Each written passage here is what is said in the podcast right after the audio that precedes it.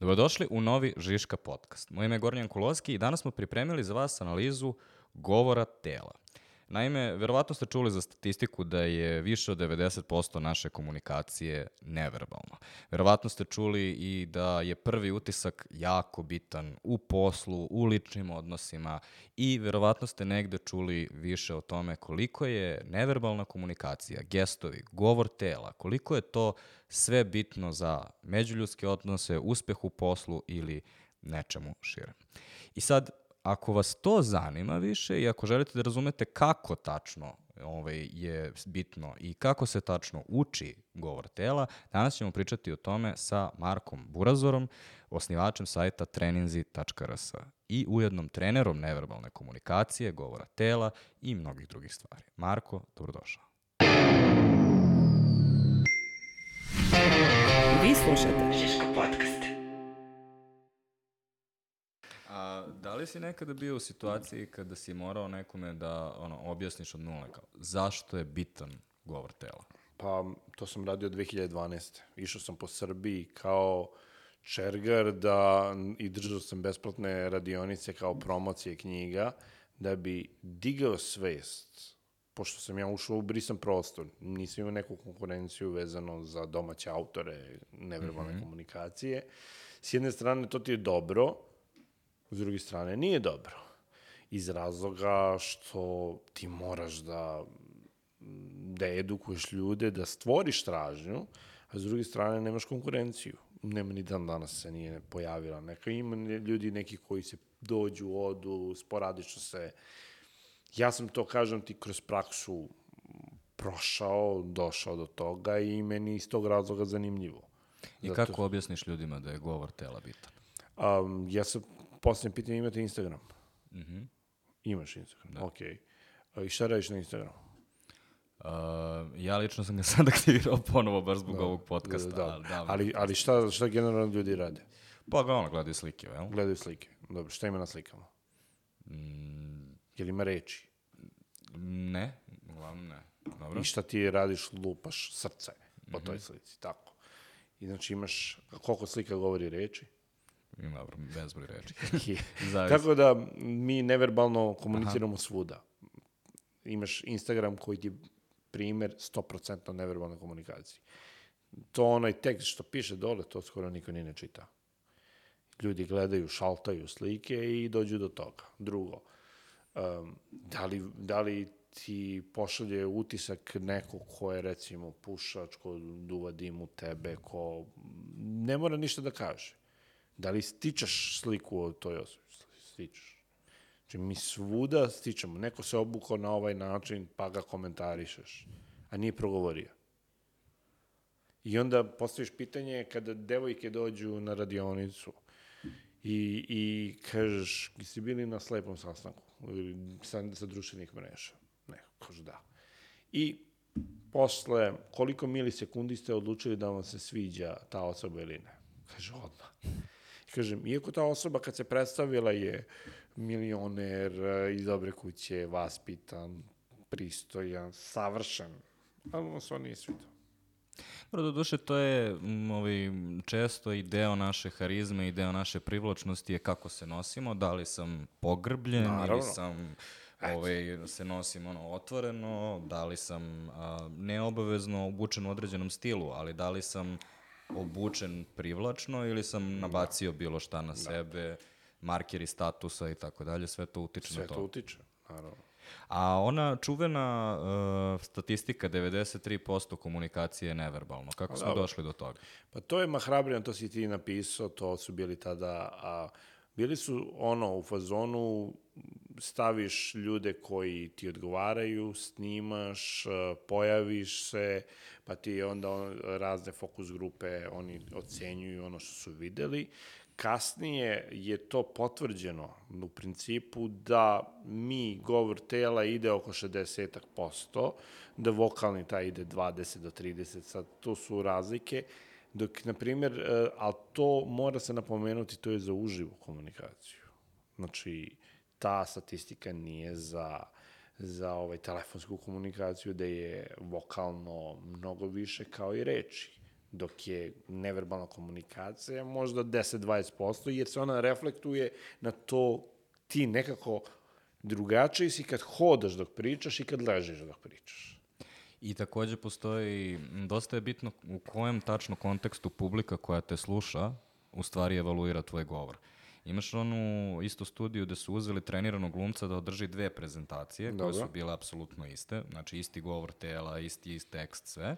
Ali su podelili studente u dve grupe. Jednoj grupi studenta su rekli ovo što ovaj čika prezentuje je za vas. Vi odlučujete da li ćemo implementirati na vašoj generaciji. Drugoj grupi studenta su rekli ovo što odlučujete je za one sledeće. I šta se ispostavilo?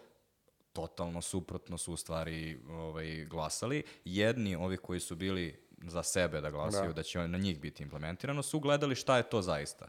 Ovi drugi su bili u fazonu, baš se lepo Baš- obukao, baš divno priča, jao kakva Naravno. dikcija. I tako Yes, sjajan, sjajan primer. Isto tako Richard Barton je bio poznat po tome da je sa istom rečenicom mogao da dovede do suza ljude i da, da je dovede do smeha, ono, neverovatno. Tako da, i recimo on je bio poznat kao taj koji je uh, uneo tu vokalnu, vokalnu onaj deo neverbalne komunikacije kao nešto što su onda oni istraživali, da vide šta to, taj vokalni aspekt i onda su opisivali dublji glas, ono radio glas, muževni, znaš, i onda su to oni opisivali, ja često navodim prijemer, jesi gledao seriju Momci sa Madisona? Ne. Mad Men. A, jesam. Pa to. e, znači, ta serija je rađena po istinitom događaju, po istinitim dešavanjima. Likovi su izmišljeni. I sad ti si imao one uh, fokus grupe gde su i, uzmu devojke sa karminima, stave, stave im razne boje i onda muškarci ocenjuju kako im se koja svida. Onda izađu sve te iste devojke bez karmina, pa ih ocenjuju. Uvijek su dobijale one sa crvenim karminom najviše ocene. Jer, zašto? Percipira se urednija, je privlačnija, samopouzdanija. To je samo jedan crveni karmin. I onda ti kad vidiš, generalno tako su rađene neka istraživanja. Sad, sad se sve radi video. Video, ovaj, snimanje, gde ti, gde ti pratiš određene detalje.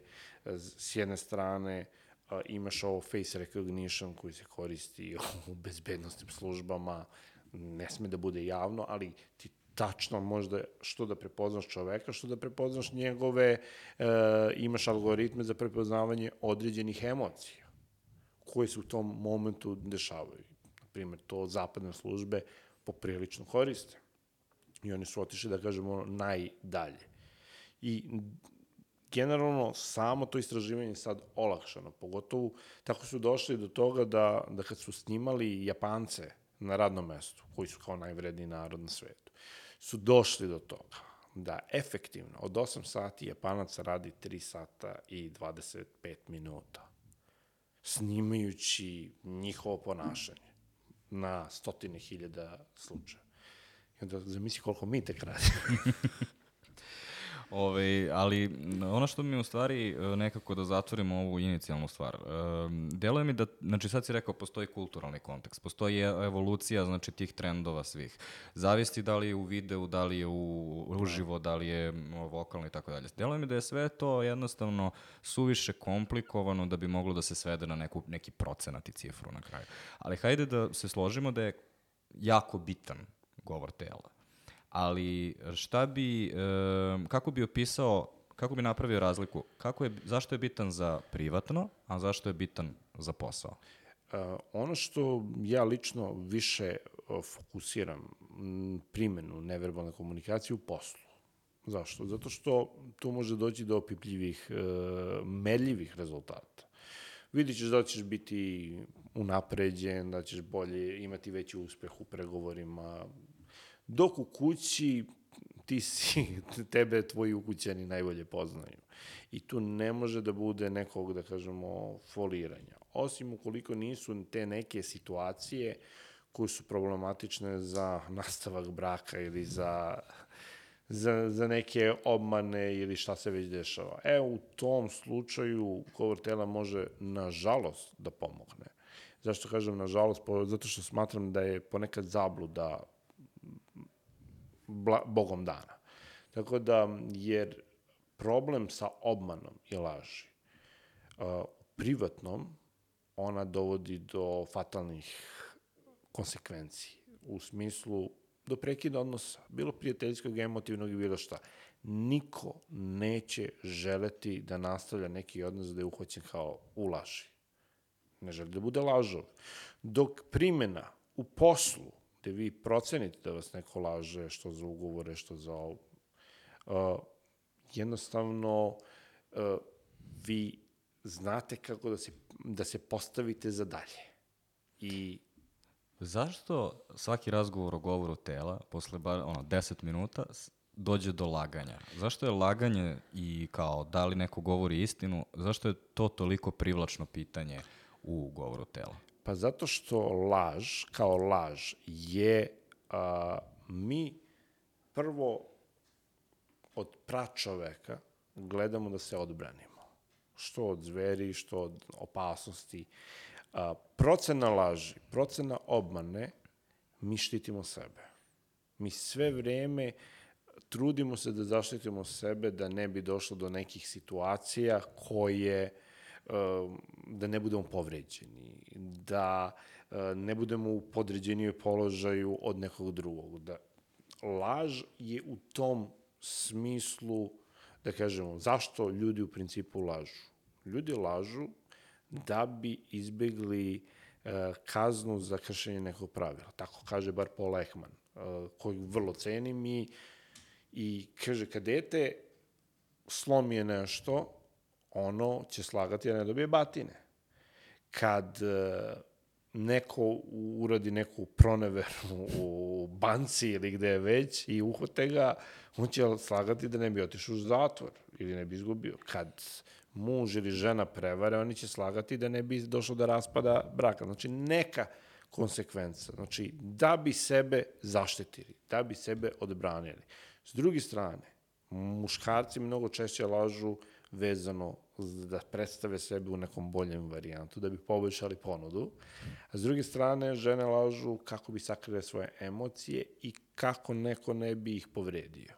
Tako da, ali generalno, zašto laž bitna? Zato što mi deset puta u prosjeku, bar po pola ekmanu, lažemo svakog dana. Bilo to da su bele laži, kada nas pita komšinica, e, šta ima, kako si, evo ništa, super. Iako on, imamo problema tih, tih, tih, ali nećemo da ulazimo u diskusiju sa nekim ko nam možda nije bitan vezano za to. Tako da, laž je svuda oko nas, nažalost. Da li možeš da provališ kad neko laže? Pa u principu da. U principu, prvo treba da upoznam, zato kažem u principu, zato što moram da upoznam koliko toliko tu osobu, jer svako ko kaže na, na keca, taj ne govori istinu. Iz razloga da vidiš koji su tvoji neki karakteristični znakovi, način ponašanja, nešto što je samo do tebe. Na primjer, Miroslav Ilić se ne oblizuje zato što laže, nego zato što to njegov uslovni refleks tik koji on ima od, od, od ikada. Tako da, mm, opet, Ali šta su neki univerzalni znaci laganja? Pa univerzalni znaci laganja se vezuju često za uznemirenost, za nervozu u, u toj situaciji. Da li dodiruješ nos, da li prekrivaš usta, da li skrećeš pogled, da li dodiruješ usnu, reši, usnu u resicu, da li ti je jedan put pre, previše vruće. Ali ono što je veoma bitno da kad se laž ustanovljava, da je bitno da osoba ostane, um, da bude relaksirana. Ukoliko je napeta situacija, mi teže možemo da, da procenimo da li je, uh, da li je to zbog situacije u kojoj ako ste vi kod lekara i čekate neki rezultat, o čemu pričamo, tu Pa evo, Srđan Zdravković nam je u pripremi rekao, intervjui za posao su ono, veoma stresne situacije Da, i veoma. ovaj, ja često držim intervjue za posao i rekao bih slobodnom procenom nekih 30% intervjua se završava tako što je a, kandidat ili kandidatkinja je vidno stresirana. Pričam o, um, ovaj radi uh, Donja Vilica, Da, da, da. tresu se ruke, a, ruke su krše prste Da. i tako dalje. I ono što sam naučio je da to često nema veze sa time da li oni znaju ili ne znaju odgovor na pitanje. To je samo njihova reakcija na Pa da. tu situaciju. Yes. Istina. Prema tome, kako čitaš onda te sve nervozne tikove kada si u toj stresnoj situaciji? Evo recimo razgovor za posao je jedna stvar. Prvo treba da se oni opuste i da to traje malo duže, da ih da se oni aklimatizuju na prostoriju, da se aklimatizuju da nije smak sveta, da jednostavno uh, treba ljudima vreme, jer ako ti ubaciš nekog na pet minuta razgovor i on čeka i to čekanje je ono što izaziva dodatan stres i šta će biti. Um, ja često kad me pitaju ljudi kad se idu na razgovor za posao, kažem, ti biraš poslodavca takođe, jer ti trebaš da budeš tu 10, 15, 10 sati svakog dana, uključujući prevoz i uključujući sve, da, da budeš vezan. S druge strane, tr, e, ljudi moraju da se malo pripreme. Nažalost, e, dosta stresa i dosta ne- nervoznih situacija dolaze zašto dolaze nepripremljeni. E, Uopšte ne uzmu papir i olovku kakva pitanja bi mogli da, nas, da nam postave. Šta ću ja da pitam?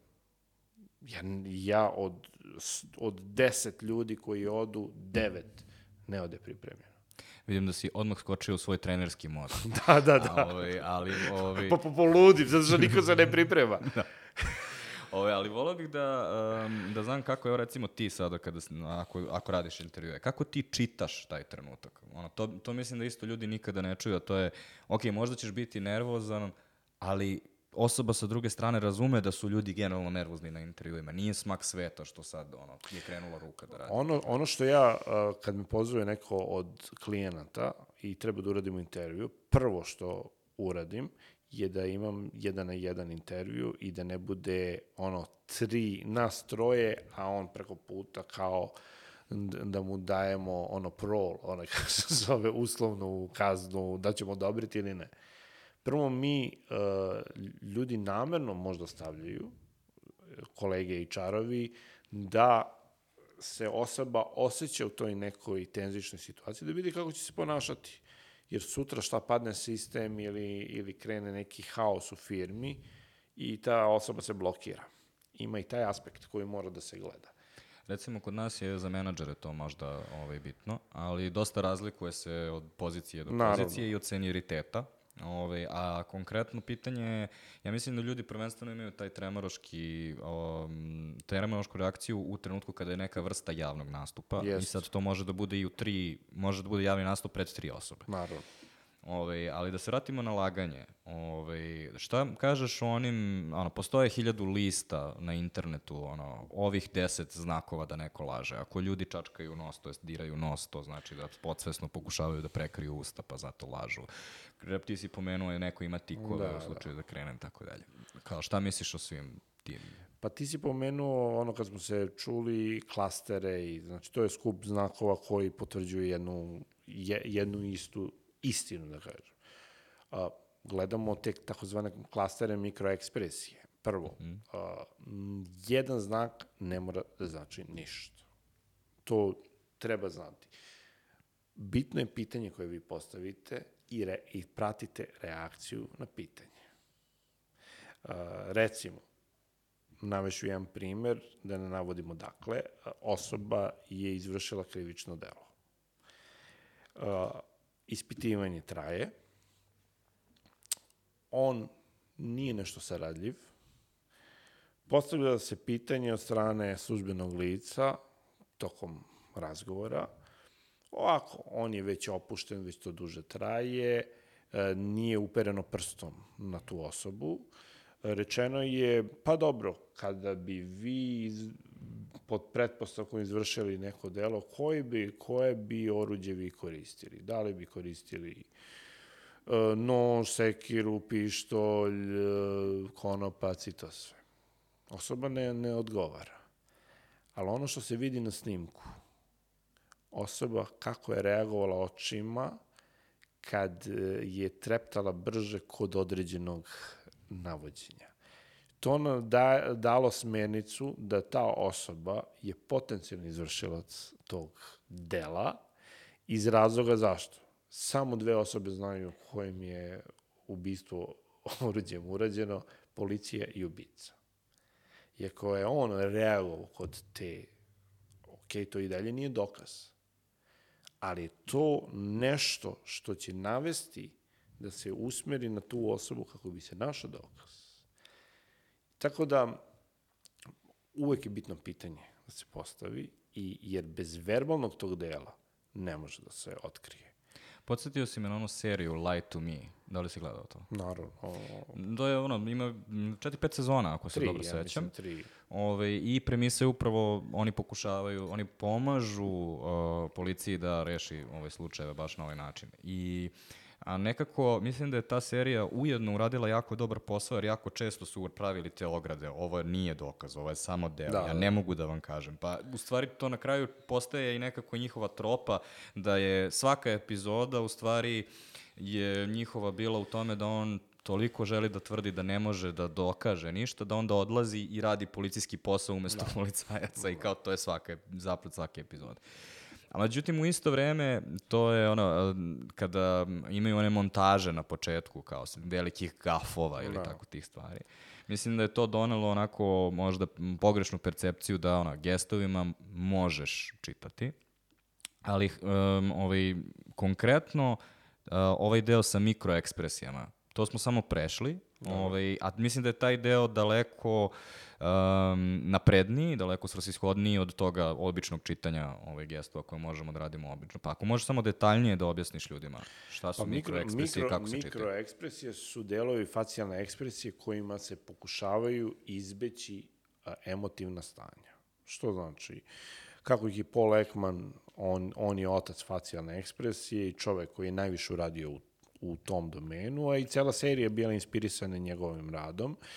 A, on, imamo, on je podelio 350.000 znakova koje su razni istraživači a, pre toga utvrdili da je telo, da, da je lice u sposobnosti da prikaže kroz svoje, svoje znakove, oni je sve to kategoriju su sedam. Znači, sreća, ljutnja, tuga, a, prezir, a, gađenje, gnušanje i šta jesam zaboravio neki. Jesi, ali nastavi slobodno. Sve u svemu, a, na primjer, moja omiljena je a, contempt, prezir.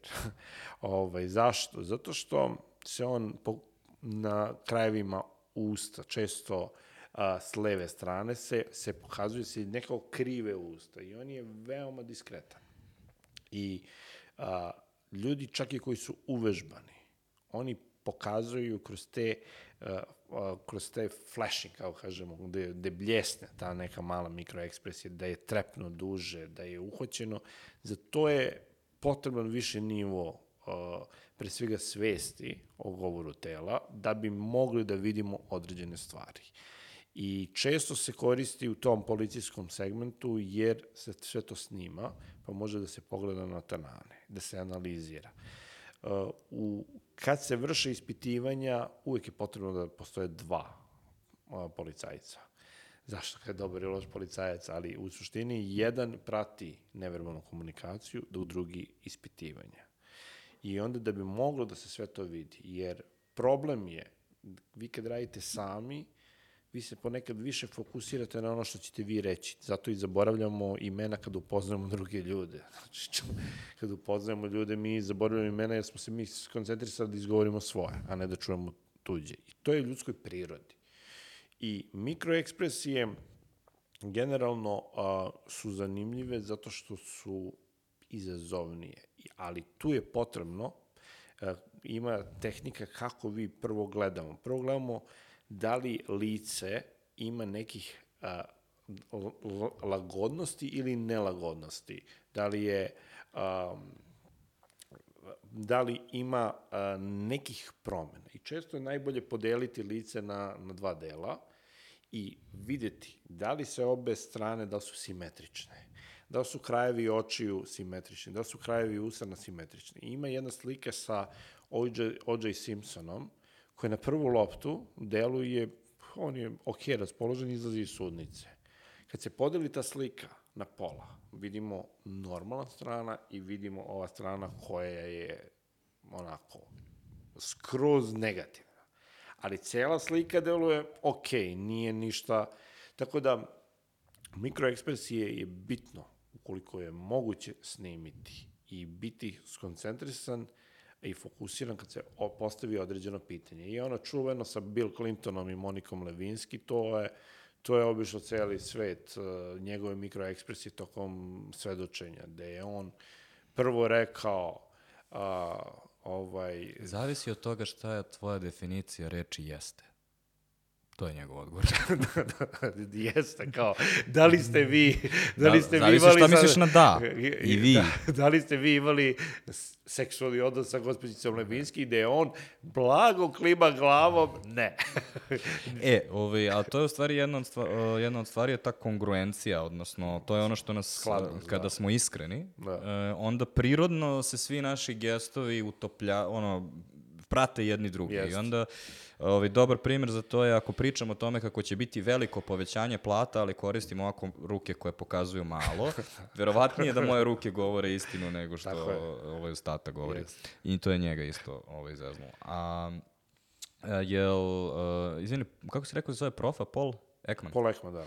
Ovaj, da li on onaj koji je radio ona istraživanja sa baš m, zagađenje je bilo ovaj, zanimljivo, zato što je snimao parove, bračne parove na bračnoj terapiji i e, onda je lovio da li imaju mikroekspresije gađenja. I ako imaju mikroekspresije gađenja, to je bila stvar koja je predvidela da li će oni da se razvedu na kraju. Iskreno ne znam za taj slučaj, da, da li on to radio ili ne, ali moguće, pošto je on, što se tiče mikroekspresije, to je termin koji je on definisao, tako da verujem da je tu najviše i uradio. Ali ne znam za taj slučaj, iskreno.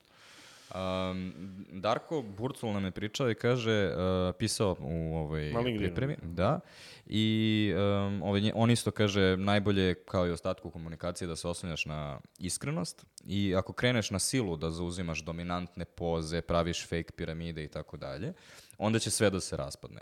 Um, da li je moguće da foliraš istinitost? Fake it till you make it. Pa to je moguće ukoliko si stvarno živiš u laži dobro i ukoliko si vrhunski glumac i ubediš sebe i zaboraviš šta je istina. Znači ti veruješ u laž. Primjer koji sam imao ovde je Donald Trump. Dobro.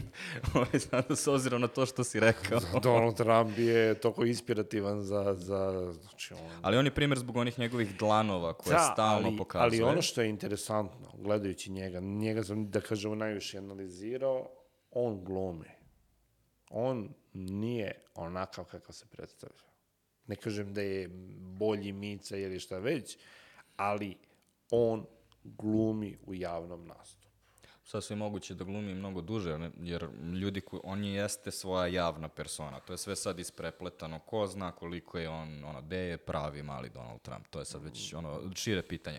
Ali hajde da ono što ljudi vide. Znači, vidite njegove dlanove, koje konstantno ovaj, Ja pokazuje. ne krijem ništa. Ja sam sve sa ovih deset prstiju zaradio. Otac mi je poklonio 100 miliona, ali to nije bitno. Ja sam od toga napravio milijarde. Još jedna stvar koju radi, ima jako čudna odela. Ne znam da li si to primetio. Sam primetio kravate više. Kravate su Uvijek užasno su crv, dugače. crvene, Ali dugačke su. jake, dugačke. Pa zašto on veliki čovek? Zamisli da mu je kratka kravata i da stane na pola stomaka. Mm. to kao da je došao iz lokalne kampane u Srbiji. da, ne, da ne uvuče u riblju čorbu. Mislim, realno to bi tako izgledalo, ali... Jel se sjećaš debate koju imao sa Hillary Clinton? Joj, da, pa to navodim na radionicama kao, znači stavio sam na jednom a, simulaciju gde on dolazi, šulje se, jer kažem, samo još fali sekira da je kokne. Ali, ovaj, u isto vreme, uh, on nikada u javnom nastupu, recimo, neće spustiti ramena. Znači, on će uvek hodati baš neprirodno uspravno i pravo. Da, da, da. On, Pogotovo za čoveka koji realno ima 80 i nešto godina i ovaj, ona ima, ne znam, 120 i nešto kila. U stvari, kada, ono, kada ti vidiš njegove podatke, onako kada Da. shvatiš kao njegov body shape, ne razumeš kako je to ta osoba koju gledaš konstantno. Sa tog aspekta možda je ono nešto i uspeo svojim javnim nastupom, jel? ne, njegov javni nastup nije loš. On, on, on je kongruentan što se tiče svoje ličnosti. Znači, on, ono što priča i ono što govori je je u skladu. Pa on je za Angelu Merkel rekao u jednom intervju, kaže, ne mogu sa njom, ona je meni dosadna. Vidite da izgovorite javno. Mislim, uh, vi vidite da je njemu ona stvarno dosadna, jer on ima grimasu u tom momentu. Ali on, na primjer, je uzeo, kao što postoji krug, da je to kao sve je okej, okay, kod njega je krug uh, dva, dva puta okej. Okay. Kod njega mora sve da bude drugačije i posebnije veće. On očigledno ima narcisoidni poremećaj, naravno, ali to je on, on je sebi izgradio još ako se sećaš onih emisija, ono, kako se, Apprentice. Mm -hmm. Šegrat bi bilo Šegrat, na srpskom, ne znam da li kao- ikada prevedeno Da. i lokalizovano. Tako da vidiš njegovo ponašanje i tu. Znači, on je od uvek imao taj neki stav, ja sam. Pa to je, u nekom trenutku je on i postao to što je zamislio. Ali ono što je interesantno, vezano za američke izbore, to sam čitao neke istraživanja. U principu u Americi često, u većini slučajeva pobeđuju viši kandidati. I sad ti kad uzmeš analizu kroz istoriju, znači malo je bilo niži kandidata koji su... Donald je pobedio koga? Hillary Clinton. Ko je njega pobedio? Biden, koji je više od njega. Zatim, a, Obama je pobedio koga? Pa Mitt Romney u jednom, McCain u drugom koji jeste McCain. bio niži. A za Romney nisam siguran. I Romney niži. Zatim, koga je pobedio George Bush? On je možda bio niži. Al Gore u Da, prvom možda je- mandatu, ne znam u drugom. Da, ne. Suština, Bill Clinton je bio viši od, i George Bush stariji je bio visok. Znači, kod njih postoji ta matrica kad se prave, kad se prave i kandidati, šta ti moraš da fulfill requirements, kako bi se na engleskom rekao. A sad, pošto tamo je takođe uh, dosta rasprostranjeno ovo, ovo o čemu mi pričamo, odnosno nauka o govoru tela je dosta uznapredovala, postoji jedan izum, zove se pokretna govornica. Tako da, ako ja izađem za govornicu koji sam metar i žilet, govornica se spusti. Dobro. Ako izađe, recimo, Obama koji je 1,90 govornica se podigne. I na taj način ti kad nas snimaš odvojeno, ti dobijaš utisak da smo mi iste visine. Da, da, da. Naravno, sve prilagođeno jer uh, to je još Hitler izmislio. Jer kod Hitlera su stavljali kutije, pošto on, mislim da on nije bio nešto previsok, uh, i SS, uh, to je sve je napravljeno bilo u skladu sa uh, doktorima nauka koji su u Nemačkoj tada napravili prve skripte vezano za ponašanje govor tela. Nažalost, moramo priznamo, oni su ovo sve doveli na neki viši nivo, od toga kako će biti uniforme, kako će biti odela, kako će biti cokule, sve je to bilo do, do najsitnijih detalja. I Hitler kad imao govore, oni su dizali binu da bi ga svi videli, a opet su postavljali zvučnike svuda po celom gradu da bi se da bi se prenosila njegova emocija koja je bila kroz gestikulaciju. A mi kad slušamo njegove govore, tekst pročitamo, vidimo da je to besmisleno. Nema ništa nepovezano. A to sa govornicama, to je normalno da mi želimo da dignemo da dignemo tog, recimo, šta Sarkozy, nije Sarkozy, nego ovaj Macron, mm -hmm. on je nizak. E, Sarkozy je nizak. I Sarkozy je nizak. Mislim, Francuzi su jedan od najnižih naroda po tome što je Evrope. nosio platforme na... Tako je. na A ovim njegov, njegova beše Carla Bruni, supruga. Pa dobro. Oprošteno. Da. Ove, um, a da li je jedini, mi smo sad prošli mnoge primere ljudi koji su ekstravagantni u svom javnom nastupu. A, u jednom trenutku si promen, pomenuo Merkelovu. Ona je bila totalno suprotno. Sasvim svedena u svom na, javnom nastupu. Da li onda postoji jedan put koji ono kaže ljudima ovako treba ili postoji razni primjeri koji mogu da utiču na razne ljudi? Mi prilagođavamo uh, kakav će biti govor tela shodno osobi koja je. Ne možemo mi da stavimo, da pravimo ekstrovertnu osobu od introverta. To nije prirodno. Angela Merkel, i to je baš, imao sam, kažem, ludu sreću da sa Alanom Pizom govorim u, u, u emisiji jednoj i preko Skype-a, gde je on ispričao slučaj da je Angela Merkel, kad je bilo um, kad je bilo u, za kandidata, ko će biti kandidat na pre, parlamentarnim izborima stranke, da je on imao super program, ali njen govor tela je bio grozan. Njen govor tela je bio grozan i nisu znali šta da urade sa njom. I onda su došli do toga da moraju da je spakuju, takozvano da je svedu, da je, da je zatvore, a opet da istaknu neki segment koji će pokazati ono, da ono drži stvari pod kontrolom. I tako je popularizovana takozvana piramida ili zvonik, stipl, da i one najviše, najviše snimaka sa zvonikom, piramidom je vezano za nju. I onda svi kasniji političari, a i pre toga su koristili, jer to još ide uh, od, da kažemo, joge i mnogih drugih onih indijskih učenja, da se tu, da se tu čakre za energiju uh, se, se dobijaju pun krug i da vi onda imate kao bolju da kažemo... A vidiš, za mene je nekako logičnije zato što moraš da osjećaš pet tačaka kompresije, što znači da moraš da se skoncentrišeš. Ako si recimo skroz ovako stegnut, onda ne moram da se toliko skoncentrišem, ali da osjećam svih pet, razumeš, onda sam I, u totalnoj kontroli. To i jeste savet najbolji za javni nastup.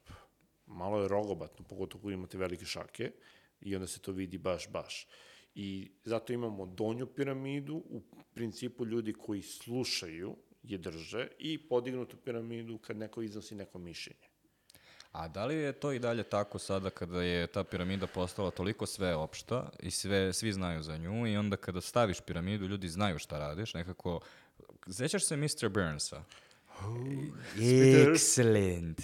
Da. Ne, nekada je taj uh, pokret, ono, ovaj, uh, kada, ne znam kako bi ovo rekao, šta je no. ovo? Ovaj, ali ono, prsti koji se sudaraju ovaj, da, da. srećno, je bio zaista znak sreće. To je kao, u, nešto super. Međutim, onda se pojavio Mr. Burns, onda smo svi ovaj, registrovali to kao u stvari znak neke vrste izopačenosti, odnosno prevario sam te. Da, da. Znači, pre Simpsonovih je to značilo srećan sam. Posle je prevario sam te. Jel, znači, ti konstantno ovi, ove stvari evoluiraju, zar ne? Evoluiraju vrlo i to si lepo primetio. Nekada je bilo normalno da se ti sa nekim pozdraviš sa dve, sa dve ruke ovako i da to znači kao, e, baš mi je drago da te vidim. Vremenom je to evoluiralo da ti veštački pokazuješ naklonost ka meni da je to licemerno ponašanje, da je takozvano političko rukovanje. Mm -hmm. U početku je to bilo normalno, sad je to već malo, da kažemo, otišlo u krajnost. S druge strane, ja savjetujem generalno da ljudi drže ovako šaku sa palčevima izduženim, jer to nije nešto agresivno, palčevi percipiraju se u tuđem mozgu kao da vi držite, da imate samopouzdanje i da držite stvari pod kontrolom i da ste relativno opušteni. Jer ovo, pogotovo kad ljudi dođu na razgovor za posao i stave ovako, znači da se on pripremio na onaj loš način, znači da ne možemo ništa da mu verujemo. A rekao si, savjetujem ljudima, kako se uopšte uči govor tela? Govor tela prvo, prvo i osnovno mora da se digne svest. I ja to ponavljam kao papagaj, svest, svest, svest. Da mi, uh, evo, evo primjer, recimo kupio si auto i ti si uzeo određenu boju koja ti je bila relativno čudna kad si, jer je bila samo toj, taj model u toj boji, parkirao si auto u ulicu. Na šta ćeš primetiti u prvih nelju dana?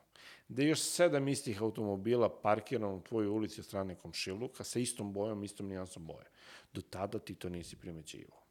Što nam govori? Mi prvo moramo da dignemo svest da počnemo i da želimo da primećujemo. Naravno, dosta istraživanja treba čitati, dosta snimaka gledati i, a, i početi da razmišljamo kako mi to komuniciramo.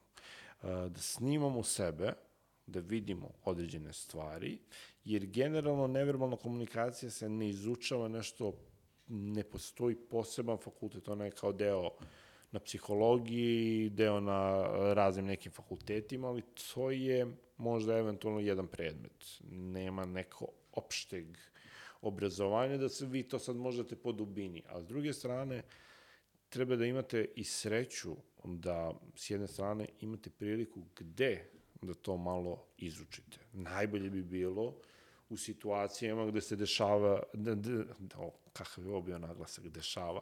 Mi e, podržavamo sve akcente. Da, Imamo da, celu epizodu o ovome. da, ovaj, gde se dešava mnogo uh, tih nekih što mikroekspresija najbolje bi bilo u bezbednostnim uh, situacijama, bezbednostnim službama, u ministarstvu unutrašnjih poslova, gde vi vidite uh, razne promene emocija. I kažem, meni je dosta pomoglo to što sam sudio košarku i kroz taj aspekt sam mogao da procenim ja sam to nazivao intuitivno, ali u suštini bilo da sam čitao neverbalnu komunikaciju, trenera, igrača i sve što se dešava. U početku bi imao mnogo više problema, kako sam imao iskustvo, sve manje. I onda su, smo imali seminare gde su nam dolazili stručnjaci koji su nam govorili kako da stojimo, da stavimo ruke iza leđa, da isturimo grudni koš, da se ne bojimo ničega, da tu sliku šaljemo publici i trenerima, da držimo stvari pod kontrolom, da smo autoritet. Ili da prekrstimo ruke u taj defanzivni položaj gde prekrivamo grudni koš i gde odbijamo bilo kakvu komunikaciju sa drugim, jer mi ne treba da komuniciramo sa trenerima i sa bilo kim. Mi treba da sudimo. I onda kad prođete te neke i obuke iz toga, kako da vi delujete kao autoritet. I onda jedna, na primjer, zanimljiva situacija, sudio ja, već sam imao preko 200 utakmica osuđenih i kolega neki koji je tek položio za sudiju i sav je bio u stresu, uplašen, znači, pogotovo kad vas psuju tamo publika i, i to je ono neprijatno, i još ako niste navikli, ja sam već uveliko bio navikao, to je folklor, problem je kad ne psuju. I on je, nočigled svih, bio je faul. I on je digao ruku sa sekundom zakašnjenja je duno u pišteljku i to ne najjače što je mogao. I digao je ruku, to je pesnica koja označava da je faul, da je lična greška, ali to nije bilo uopšte pravo. Kad su svi skočili, na, jer su ljudi reagovali na njegovu nesigurnost. I trener, i igrači, i publika, i svi živi. I ono kao, jer gledaš šta ovaj sudi. S druge strane, mene povuklo inercija. Krenula kretnja od igrača ja dignem i sve snage dunem u pištoljku, iako nije bilo kontakta. I to u deliću sekunde, onako, još nateram da on digne ruku u fazonu. I to se desilo ispred trenera ekipe protiv koga, koje sam odsudio. Niko nije rekao ni reč. Oni su više verovali mojim očima nego svojim očima. Su oni reagovali u prvom slučaju na nesigurnost te osobe. I ja zato kažem, uh, neverbalna komunikacija ima dosta primene i u životu i u, pri, uh, i u poslovnom. Kako mi delujemo? uvek osobe sa više samopouzdanja, sa boljim stavom, sa i istorenim ram, i uzdignutim ramenima, sa glavom koja je, da kažemo, pravo, a ne da ne treba ići ni u drugu krajnost, gde vi gledate direktno u oči. To su sve neki aspekti koji utiču da osoba nas percipira na ovaj ili onaj način. A da li je uvek više samopouzdanja bolje? Jer, e, recimo, ja znam jednu osobu koja je fenomenalan javni govornik i kada izađe puna samopouzdanja i puna energije, jednostavno pregazi celu sobu. I sad to je super u slučaju da ti zaista želiš da kontrolišeš celu sobu, recimo da radiš predavanje ili recimo sudiš košarkašku utakmicu. Međutim, ako želiš feedback od te sobe i ti imaš toliko energije i oni su svi toliko oduševljeni kao you got this, kao samo Da. ti, ne treba ti niko drugi. I onda kao, jel ima pitanja? Nema. Niko ne bi. E pa tu, to je kod trenerskog posla veoma bitno napraviti balans. A, ne treba izdi, isticati sebe previše, treba pokazati da si ti na n, kormilar, ali s druge strane treba uključiti druge da, da, da znaju koje su uloge. A, I zato je veoma bitno, ja recimo na mojim radionicama, prvih, prvi čas od sat vremena, bude četiri sata po sat, četiri puta po sat, uvijek su svi zatvoreni, uh, zatvoreni, ne učestvuju, jer im je sve to novo. Prvo i osnovno što treba uraditi je ljude uključiti.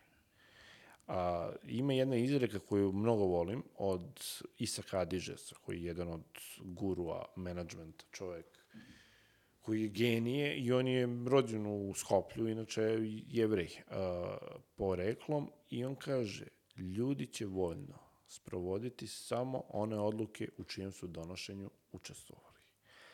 Suština je, uključi ljude i napravit ćeš uh, oni će, oni će, se uklju, oni će početi da, da dele taj recimo kad su velike a, kad su veliki seminari po 200-300 ljudi veoma bitno imati taj drugi mikrofon i po, i ljude uključivati da da a, pričaju. To može da se uradi tako što prepoznamo neverbalnu komunikaciju, da vidite ko kako deluje, kako stavite ga pred svršen čin, dajte mu mikrofon. To onda ohrabruje i druge da učestvuju. I to uvek treba uraditi na početku. Iskomunicirati da ste vi ovde zajedno. Ja sam imao pred- jednom od najzahtevnijih publika jednu radionicu, da ne pominjem koju, i to su ljudi koji ovu, ovu moju materiju možda znaju neki i više od mene. I sad, kako ćete vi toliko sujeti, toliko megu, iskomunicirati sve to, a još i da oni učestvuju i da bude to, da prođe. Prvo i osnovno što sam rekao, dobro, dobrodošli na ovo predavanje. Moj cilj je da prođemo ovu temu iz nekog drugog ugla, od ugla iz kojeg ste vi možda navikli, ukoliko vi nađete i da podelimo da podelimo a, da kažemo iskustva, ukoliko nađete jednu stvar koja vam se učini da možete da je primenite u svom poslu, životu ili gde god, ja ću biti zadovoljan. I opet one ruke kod Trumpa. suština, suština je uh, kako pristupimo ljudima, to možemo i da očekujemo. Ljude moramo da uključimo. Svi oni imaju svoje sujete i egoje. Što su veće pozicije, to više moramo to da poštujemo. Ne kažem da ih hranimo, ali da poštujemo. Jer svako gleda iz svog, e, sad će on mene da uči, ja sam 30 godina u tome. E, sad će on mene da uči, ja sam 40 godina u tome. Neću ja vas da učim, došao sam da razmenimo iskustva i da vidimo iz jednog drugog ugla. To je, kao kaže Abraham Maslov, svaki čovek, svako rešenje gleda kao čekić i ekser. Svaki stolar gleda u rešenje kao čekić i ekser. I, nažalost, mi uvek gledamo u tom smeru.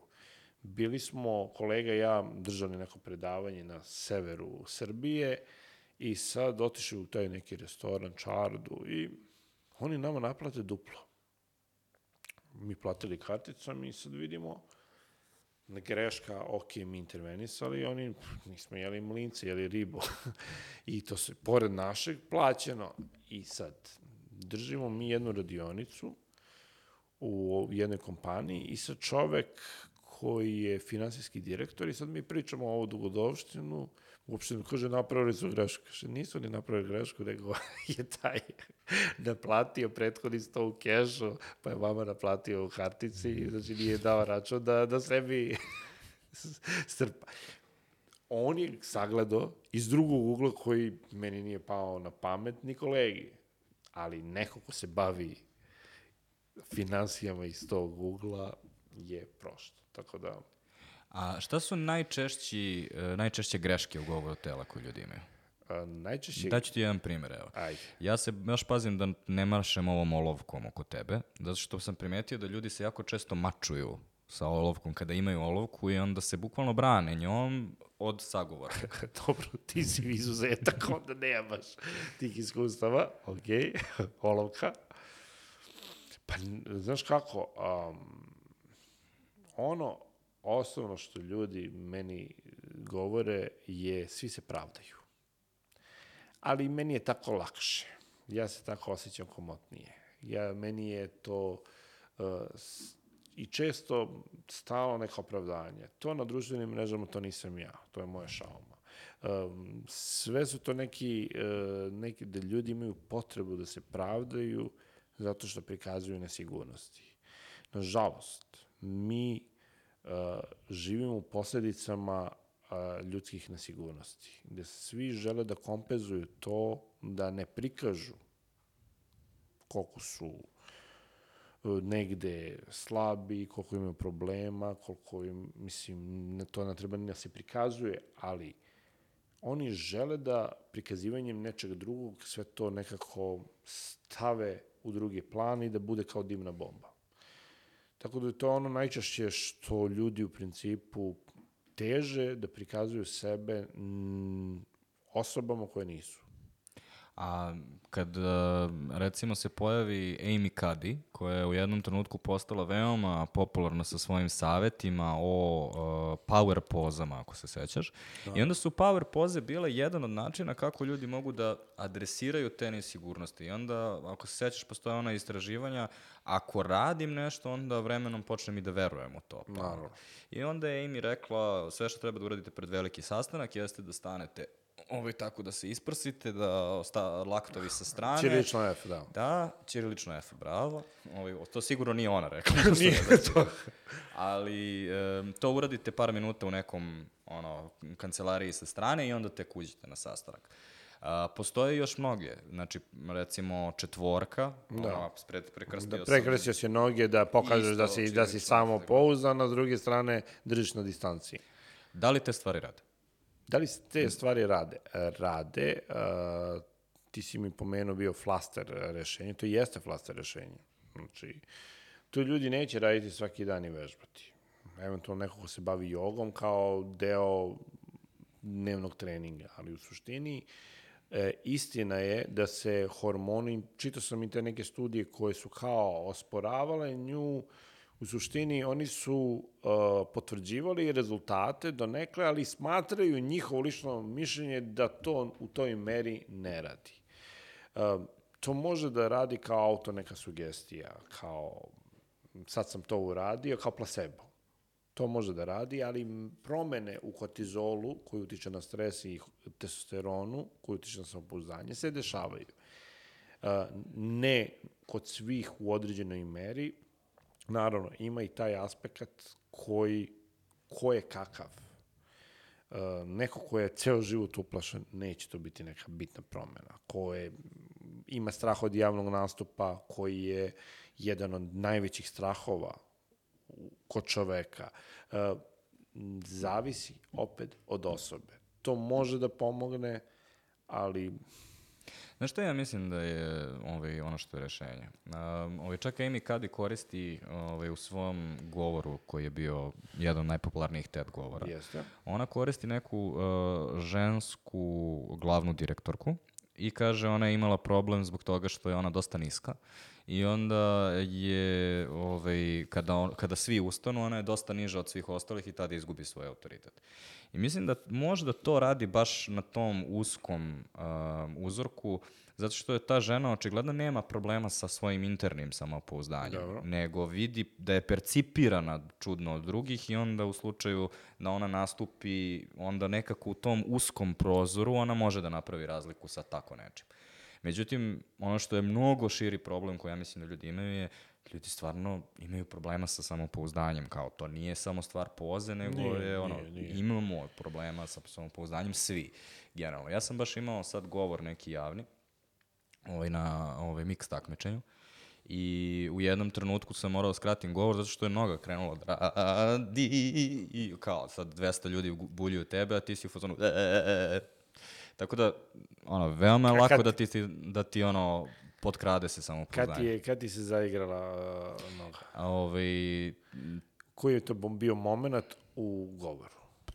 pa to je bio neki minut govora i kao kada, je, kada prvi put je, pošto sam vežbao govor, to je prvi trenutak kada sam se okliznuo, u smislu prve tri, četiri teze sam izbacio dosta prirodno i onda se desilo, e sad mora da se improvizuje i to je prvi znak nesigurnosti i tada se to desilo. Ove, ali ove, samo sam malo skratio govor i to je bilo okej. Jedino što, ove, e, ja sam sad pošto sam ja imao treninge, iz, mislim, ja bavio sam se debatom pre svega, Dobro. koja nije javni nastup, ali deo debate je javni nastup. I naučio sam da podelim svoj mozak na um, radnu memoriju, znači ubacim šta želim da kažem u radnu memoriju, a sa druge strane sad percipiram sve oko sebe. Sad gledam, razmišljam o tome da li se Danilo trenutno vrpolji u svojoj stolici ili ne. To mogu da, znači, razumeš kao, ubacio sam rečenicu u radnu memoriju i ona će da izađe kroz usta, ali umeđu vremenu ja sad imam nekih par sekundi u koje mogu da uradim šta mislim da mogu. Um, I onda moj problem je u tome što ja gledam publiku i gledam njihove reakcije i osjećam svoju nogu i u fazonu sam samo u fazonu samo sam, ono, prestani to da radiš. Za, zašto? Zašto sad? No. To više razmišljaš, tu upadaš u problem. Mm. To je ono prirodno kod javnog nastupa. Ja često kažem ljudima s kojima radim obuke kod javnog nastupa, kad znaš da si došao do master uh, nivoa, kad počneš da kontrolišeš tišinu, kad počneš da praviš pauze, bilo da sad pričamo podcast, da e, si na javnom nastupu, kad počneš da gledaš, da pogledaš čoveka u oči kad si u liftu, a ne da skrećeš da vidiš koji je broj i da gledaš u pod. To su sve malo, malo, možda deluje nepristojno, ali to su neki znakovi kada ti počneš da vladaš situacijom. I dob, dobar je savet da kad imaš nešto, uvijek ostaviš minimum 30% za improvizaciju. 30% pa, izaći će nekako iz onoga što ti već prirodno znaš. Jer šta je to što publika pamti? Ne pamti ona što si ti rekao, nego kako si njima delovao. A koliko će pamtiti ti, oni, oni tvoje predavanje, neće ga ni pamtiti. Pamtit će da si eventualno ti bio. To je sve. Ljudi ne obraćaju pažnju. Moj rođeni brat, prati moja gostovanja na televiziji, i sad mene zvali ne jednu emisiju na nacionalnoj frekvenciji u pet i nešto, šest. Ja sam poznat kao neko ko ne voli da rani. Sad, mene zvati, to je, to je, to je krivično delo u takvog rana. I sad, pričaju, pitaju oni mene, ovaj, Um, pitaju me za Trumpa, Putina, kad su imali taj neki sastanak i to sve. Ja sam odvalio tako neki lapsus ljudski. I sad mi- ja kažem bratu, kažem imao sam lapsus ozbiljni. On- je vraćao gledao, kaže nisam mogao da nađem. Kaže, pa koji je? Kaže, pa ako nisi mogao da nađeš. Da nije bio lapsus. S obzirom da u suštini ljudi ne udubljuju se, ne vide. I to osobe koje kad izlaze na, na taj neki govor, javni nastup, treba da imaju u svom mozgu. Da nije nikakvo, ništa strašno, iako pogrešimo ili ne pogrešimo. Ja, na primjer, imam princip, ukoliko imam neku veliku radionicu i ukoliko nema aplauza na početku, ajde malo, ego da, boostujemo, to jest, ja volim da ćutim. Iako oni svi gledaju tebe, pa kome je više neprijatno, meni ili njima? I onda kad krene aplauz, onda kreneš da, da predaješ. I u suštini treba se zabaviti. Jer nije smak sveta. Znači, mm, šta je ako si naučio, ljud, kad naučiš sve onako kako treba, ti to učiš zbog sebe, ne zbog njih. Ok, zabava je definitivno jedna od stvari, ali koliko misliš da je govor tela bitan u poslu? Ove, koliko situacija, znači ljudi uvek povezuju govor tela sa javnim nastupom. Da li je javni nastup jedini trenutak kada ti treba govor tela? Ma ne, mislim, govor tela je potreban stalno. Mislim, kako smo se obukli. Ja, ja često volim, govor tela često se zamenjuje kao sinonim za neverbalnu komunikaciju. Neverbalna komunikacija je malo šira. Uh, ona podrazumeva i oblačenje, i parfem, i uh, s kakvim smo autom došli. Da li ćeš ti zaključiti, zaključiti o nekome koji ima, recimo, neki besan auto i na, ta, na tablici beba. ti ćeš steći neku sliku. Znači, sve je neverbalna komunikacija što možemo da donesemo neko mišljenje o nekoj stvari.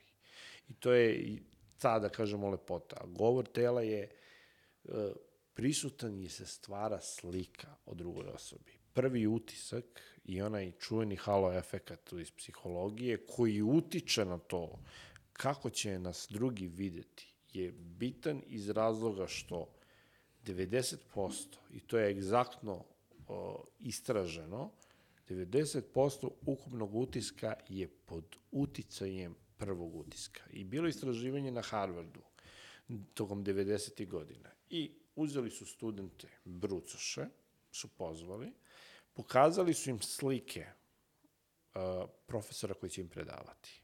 I oni su ih ocenjali.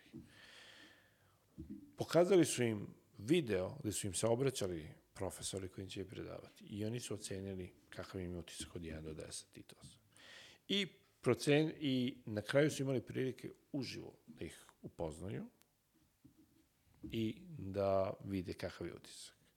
Što misliš, koja je razlika u ocenama između prvog i drugog, u procentima, prvog i drugog slučaja? Pa, ne znam, ono, 30? 15.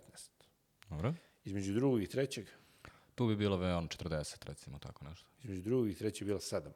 A, Što nam govori da na osnovu tog prvog utiska je mala, oni su već formirali mišljenje o toj osobi. aha, sve je bilo koncept. Okay, Da, da, da. Da, da, da.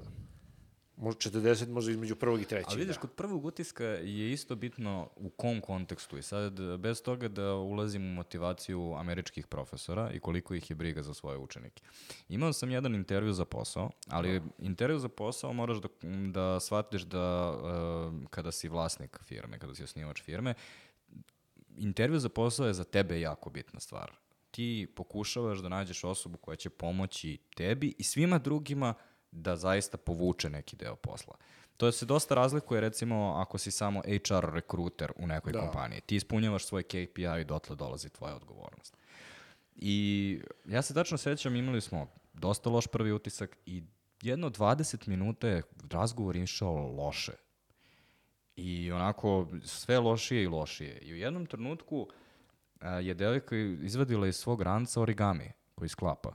I to je nešto je tražila drugu u rancu i samo je stavila origami i mi smo pitali šta je to. I onda, pošto smo mi kreativna agencija, onda smo počeli konačno razgovor o kreativnom radu, onda je ona otvorila u stvari čime se ona svime kreativno bavi, pošto do tada smo pričali njenom CV-u Da. da ništa toga nije bilo. I ona je na kraju završila kod nas i mi smo njoj dali ponudu. E, I to mi je primjer kada, ono, baš, e, ono, znam da smo mi barem uspeli da, ono, čekiramo taj prvi utisak da ne bude ono što je A da li bi je zaposlili da nije izvadila origami i da nije prepakivala torbu?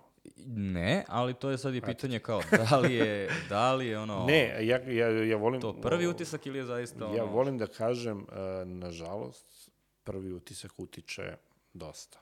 Zato što mi nekad nismo raspoloženi, nekad smo prehlađeni, nekad nam se desilo nešto u porodici. Nismo, um, i mi upoznamo neke ljude i, i ne ostavljamo utisak kakav smo možda inače. Tako da prvi utisak, nažalost, deluje snažno na većinu ljudi. Uh, on može da se popravi jedino u situaciji ukoliko radiš sa nekim i imaš priliku da upoznaš tog nekog tokom vremena.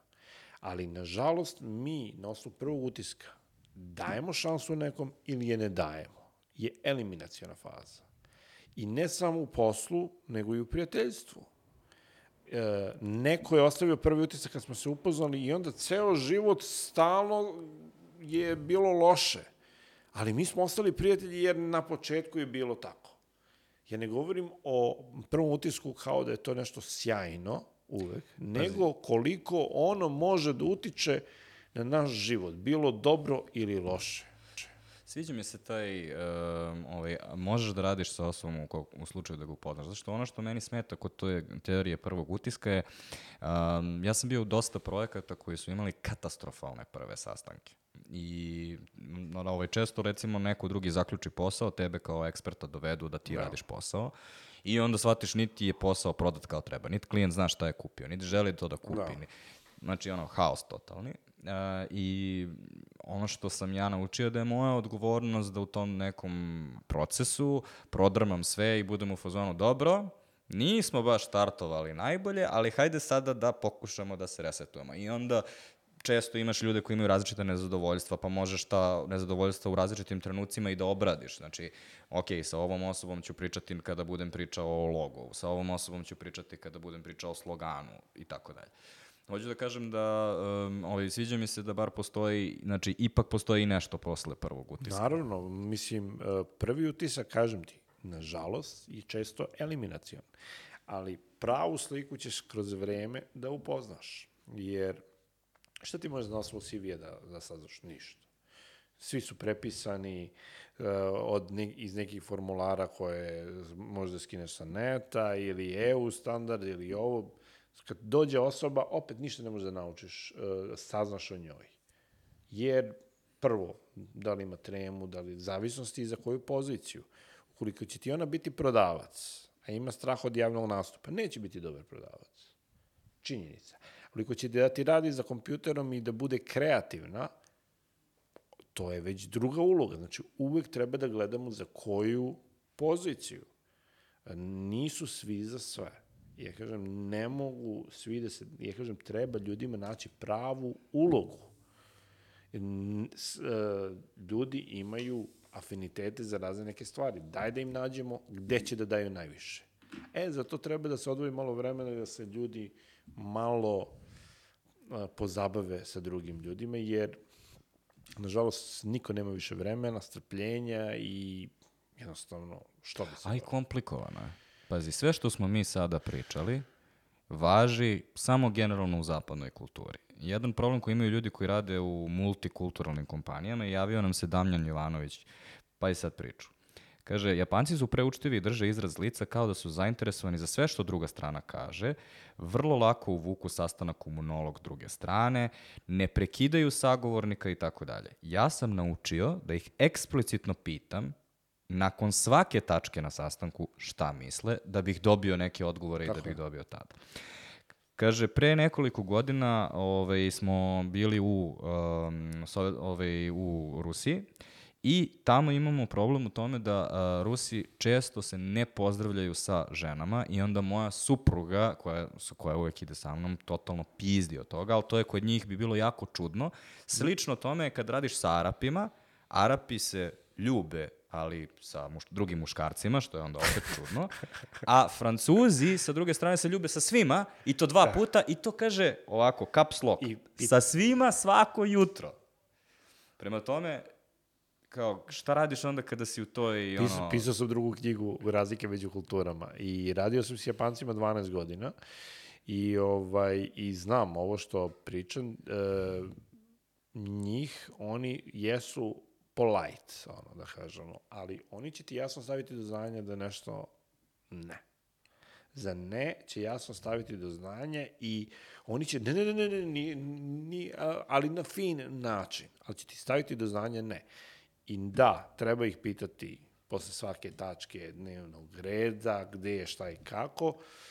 I onako, oni jesu zatvoreni, kod njih nema puno fizičkog kontakta među osobama i onda su oni taj naklon uh, kao poštovanje, ali da bi izbjegli fizički kontakt. Jer oni ne vole da se fizički dodiruju, za razliku od Francuza gde ima jedno istraživanje koje je uradio ovaj njihov onaj uh, list kako se zove glavni? Le Monde, gde, gde su izračunali da se prosječan Francuz za sat vremena razgovora pipne sa drugim čovekom 36 puta. Da bi obezbedio da bi obezbedio ovaj, pažnju. S druge strane, to sa ljubljenjem, da, to neke kulture praktikuju, Rusi se ne rukuju, Rumuni se ne rukuju sa ženama takođe i to je, naravno, meni bez veze, ali to je njihov, njihova kultura. A ono što nedostaje sa Damljanove liste je dve najdominantnije kulture danas u biznisu, američka i kineska. Kako se razlikuju? Američka i kineska, kinezi vole poklone. Kinezi vole poklone i kinezi su jedni od najvećih kultura koje imaju procenat uh, reprezentacije. Po, To lju- malo ljudi obraća pažnju. Oni vole da idu u kafanu i vole da provode vreme u kafani. Um, oni jesu malo haotični, e, nisu kao Japanci toliko distancirani, ali, kažem, vole da, da, da budu u tom opu, opuštenom mm, opuštenoj atmosferi. Amerikanci fizički kontakt limitiraju na rukovanje, vreme, novac, ono klasično, ajmo da pređemo na stvar, pa ćemo onda lako da se častimo. Znači, kod njih se uvek posao stavlja na prvo mesto. Ajmo da, da pričamo o, o poslu, pa ćemo onda da, i, da, da pričamo o svem osnovu. To se meni desilo kad sam bio baš sa Japancima, mi smo od 12 godina, bio je projekat podrške malim i srednjim preduzećima. I ja sam dobio na tenderu da budem lokalni konsultant koji zna ovde uh, običaje i išli smo prvo u Suboticu. Razvojne agencije su bile deo tog projekta, da, da pričamo sa direktorima i sa zaposlenima tamo u Subotici. Mi smo prvo otišli da radimo, posetili neke firme i onda su nas oni zvali kao dobri domaćini u restoran tamo u Subotici i mi smo otišli oko 4 sata u restoran. Posle smo išli put Vranja, gde smo sutradan u 12 imali sastanak. Nama je direktor razvojne agencije Vranje zakazao sastanak u kafani u kafani od 12 sati, gde mi najmanje smo pričali o poslu, gde smo mi, gde sam morao kolege iz Japana da u prilično alkoholisanom stanju iznesem do, do hotela u pola 11 uveče. I to bi bila jedna, da kažemo, razlika. Južni narodi, južne regije u određenim, recimo u Italiji, u, u mnogim drugim zemljama, Nemačke, su, da kažemo, topliji, m, više su orijentisani uh, radim da bih živeo, a dok su severniji gde je hladnije, gde nije bilo mnogo kontakata sa drugim ljudima, oni žive da bi radili. Jer im se to postavljalo kao prioritet, jer im je to glavna svrha s obzirom da nisu imali mnogo drugih stvari, e, a ni socijalizacije. Znači, gde je hladno, tu su i odnosi malo narušeni. To sam saznao od prijatelja koji su u, u Finskoj, gde, gde tačno vidiš neke razlike. Ali Amerikanci, što se tiče biznis modela, meni su naj, najviše odgovaraju, jer kod njih, ok, ti si uradio svoj posao, slobodan si. A ne moraš da budeš ono kao u Evropi, e, moraš da budeš 8 sati. Ti imaš svoj target, imaš svoj cilj. Završi, uradi, rezultat je bitan. Sad kad smo izogovarali sve druge, kako nas percipiraju? Jel imamo mi neke specifične gestove? Ja ću ti reći jednu stvar koju, sam, koju su meni rekli ovaj, drugi debateri, a to je vi Srbi uvek zvučite kao se nešto svađate. Dobro, a, meni, su, meni su kolege iz Japana, kad, su, kad, su, kad smo ovako pričali, šta je to što nose iz Srbije? Kako bi opisali a, nas? Oni su rekli, vi ste mnogo bolji ljudi nego mi. Zašto? Zato što vi ispoljavate emocije. Upravo to što si pomenuo, mi ispoljavamo emocije. Um, otvoreniji smo ka drugim ljudima. Uh, jasno ćemo staviti nešto što nam smeta, šta nam ne smeta, u većini slučajeva. Dok na drugim mestima dosta se stvara, stvari čuva ispod da nije za deljenje ovako. Kod nas znaš na čemu si. Mi smo ekspresivni sa rukama često, ne može to da se generalizuje, ali volimo da, da uvučemo čoveka u razgovor, da prikažemo da, da šta mislimo. U nekom trenutku da, ali naš prvi instinkt je uvek zatvorene ruke i podignuta ramena tako da vrat ne može ništa da dovati. Pa ne može. I kao, Pa dobro, zato Znaš što mi što... je najbolje? Kad recimo gledaš na televiziji, ono kad imaju plaćenu publiku. Dobro. I onda, kao da znaju da će nešto, kao publika je opuštena i onda, a sada pitanja iz publike i svi samo. Ne, ja. Pa to je, to je normalno. E, to je normalna reakcija jer čovjek je u defazivnoj e, stavu, a opet moramo uzeti u obzir da smo mi samo, ja mislim, u prošlom veku imali osam ratova. Mislim, koliko, koliko je Švajcarska imala jedino William Tela e, 1640 i neke godine. I to je cijela njihova ratna istorija, dok šta smo mi sve preživeli. I onda, dobro smo, ja kažem, dobro smo mi čitavi.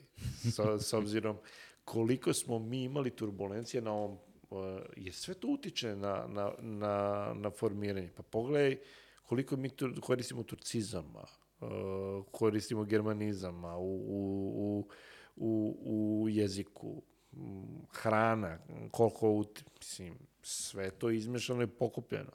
Tako da, mi, mi vučemo, mi smo više mediteranski, da kažemo, nastrojeno, nego što, što smo, da kažemo, kontinentalno. Pomenuo si dve knjige svoje. A, Imam tri. Tri? Ajde, predstavljam Je, da ljudima je, jedno, da sam, šta... jedno sam zaboravio da ti donesem umije najjače afrodizijak, ali doneću tokom nedelje. Ovaj, um, prva je ne, naučite jezik kojim ceo svet govori, druga je razlike među kulturama ili neverbalna komunikacija 2 i treća umije najjače afrodizijak koja se bavi i motivacijom, promenama i govorom tela.